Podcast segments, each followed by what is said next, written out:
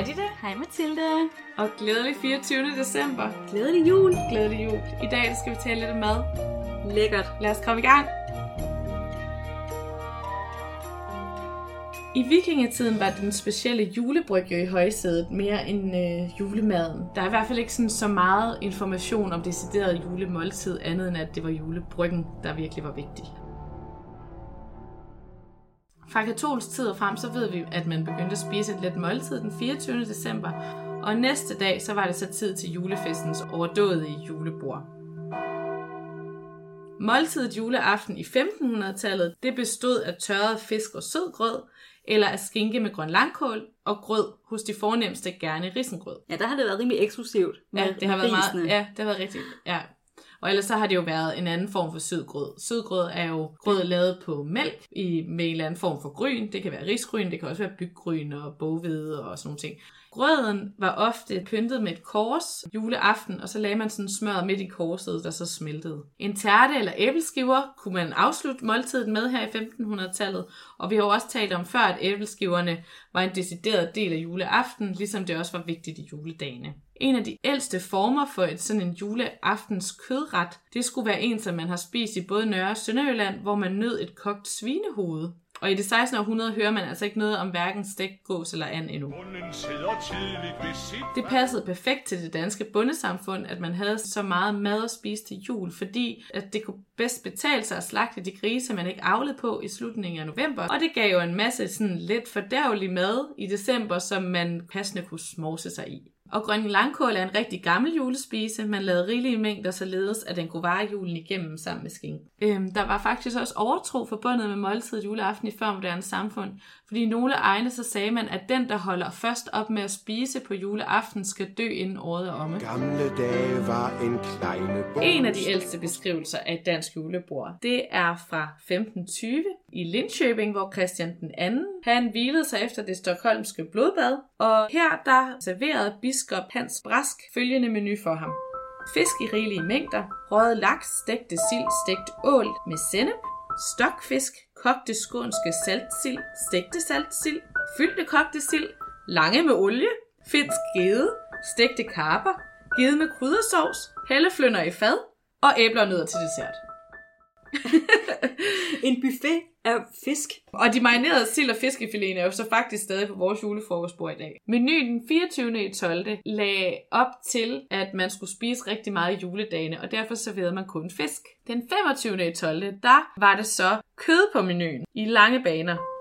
Skinkefad med svinebord, nyrøget ko- og forkød, forskellig kokød, gammel høne kogt med oksekød, en kvart gås, sennep i små skåle og på steg, småstege, æggeost, indbagt kød, kleiner, æbler, pærer og gammel ost med dram og julebryg.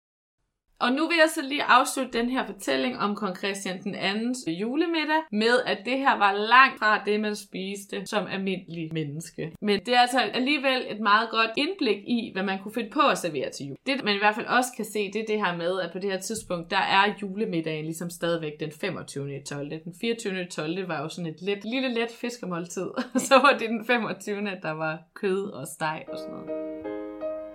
Vi har jo tidligere talt om de her almissegaver, som ofte var mad. Der er det et konkret eksempel fra 1562 på Kronborg, hvor at byens øh, borgere kunne møde op og så få en del af 8 sider flæsk, et pund mel bagt ud i brød, to tønder øl og hver fattig et lemtigt lys. Så der fik de ligesom til julemiddagen af Kronborg Slot. Nå, så det du fortalte der, det var det, der blev skænket, og så Ja. fik man lidt af det. Ja, Juleaften Julebrød efter reformationen, det var bygget op omkring kål og sylte. Man har jo slagtet den her gris, der laver man sylte, man havde kål ude i sin have, og så spiste man i det hele taget grød hele året rundt. Sødgrød og vandgrød var generelt kun til nisserne til jul, altså til gårdboen på det her tidspunkt, selvom man spiste det til hverdag, fordi man sagde, at kun hedninge spiser grød til jul. Man spiste let den 24. i 12., imens at julebrødet det bunede de følgende 12 dage, hvor man jo altså holdte jul. jul, 1800-tallet der ændrede støbejernskomfuret jo altså vores madkultur. Godt på hjulpet på vej af andelsslagterier og mejerier, som betød, at kød og især mejeriprodukter blev til rådighed i et omfang, som ikke var set før. Og herfra der stammer mange af de juleretter, som vi spiser i dag altså. Imellem 1820 og 1850, der får man noget helt nyt ind på juletallerkenen, og det er kartofler. Og det bliver simpelthen i forklædningen af brunt smør og sukker. Og de her kartofler, de øh, skulle efterligne de borgerlige kastanjer, som de havde på juletallerkenen. Og det kaldte man faktisk fattigmandskastanjer. Nej, hvor fint. Ja, og det er jo altså de elskede brunede kartofler i dag. Efter det her, der bliver kartoflen jo efterhånden danskernes foretrukne grøntsag. I midten af 1800-tallet, der var et typisk øh, julemåltid ud over de her fattigmandskastanjer, så kunne det være kogt flæsk, eller det kunne være en stek med dister eller lignende. Altså det var de her risekød.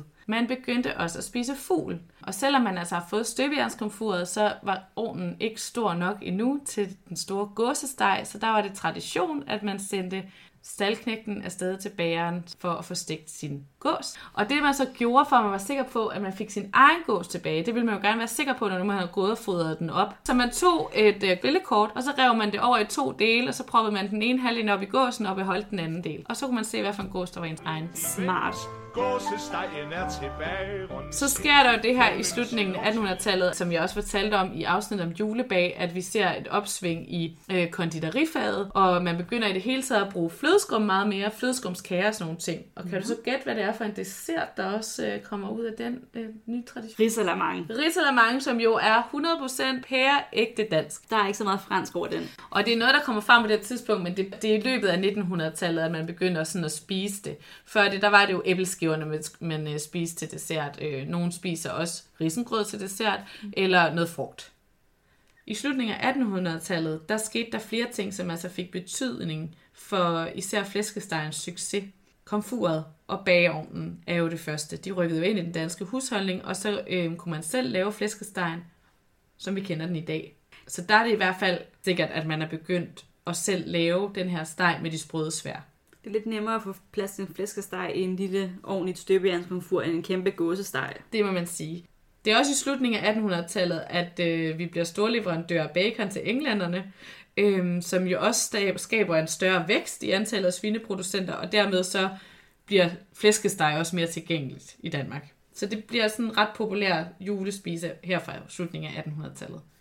Nå, før fortalte jeg jo om de brune kartofler, og øh, vi skal også lige snakke lidt om den anden kartoffel på tallerkenen, nemlig den hvide kogte kartoffel. Det var sådan, at det var ikke før i 1890'erne, at man begyndte at spise kogte kartofler, fordi før det, der var man lidt bange for det her med, at kartoflen tilhører den giftige natskyggefamilie. Så indtil udgangen af 1800-tallet, så lød man altid skrællede kartofler vande ud i mindst et døgn, før de skulle tilberedes. Den øh, søde rødkål, som vi kender i dag fra vores juletallerken, den stammer også fra cirka samme tidspunkt. Louise Nimp, hun udgav en kogebog i 1888, hvor den første opskrift på søde rødkål den optræder, men det er dog først i fru Konstantins kogebog fra 1902, at opskriften på den rødkål, vi kender i dag, den I de to afsnit om julebag og jul under besættelsen, der har vi jo afdækket sådan en del af vores julemadtradition øh, i starten af 1900-tallet. Det smager meget af småkagebaning til jul, øh, og så ind til besættelsens rationeringer ligesom gør det svært. Når man under besættelsen også mangler smør, og man bliver rationeret i sukker, så har det jo været svært at få det til at række helt til juleaften og til den opbagte sovs og fattigmandskastanjerne. Men, øh, man fandt jo så på mange alternativer. Øh, I løbet af det 20. århundrede bliver gåsens popularitet stattet af anden. Og det sker simpelthen, fordi vi bliver en kernefamilie, så vi er færre mennesker om julebordet, og derfor så bliver gåsen for stor at lave. Det sker også, fordi at husmoren er på arbejdsmarkedet, så hun har ikke tid til at stå og stege den der gås, og derfor så begynder vi at spise and i stedet for. I dag er anden den mest populære julesteg i Danmark. Ifølge Landbrug og Fødevare, så satte mere end 3 ud af 4 danskere andesteg på bordet juleaften i 2017, mens under en tiende del serverede gåsesteg.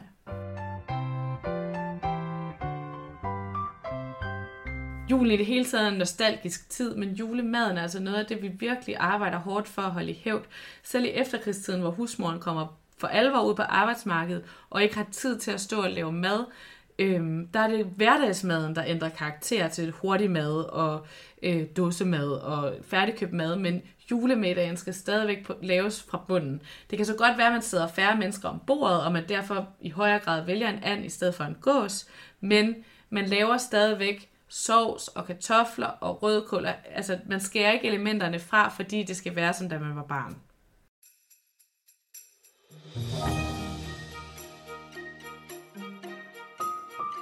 Og med det sætter vi et punktum i podcast julekalenderen. Vi slutter med julens madtraditioner. Sikke en rejse, vi har været på. Det må man nok sige. Men øh, det slutter jo ikke her. Nej, Vi er allerede gået i gang med næste sæson af Kulturens Historie, som kommer i 2023. og den handler om danskernes madtraditioner. Så vi fortsætter altså, hvor vi slipper her i dag. og folder det lidt ud til resten af året. Så vi håber, I har lyst til at følge med. Hvis du vil være sikker på ikke at gå glip af det, når den udkommer, så kan du gå ind og følge os på Kulturens Historie på Instagram. Du kan også trykke abonner inde i din podcast-app, så får du helt automatisk besked, når der kommer et nyt afsnit.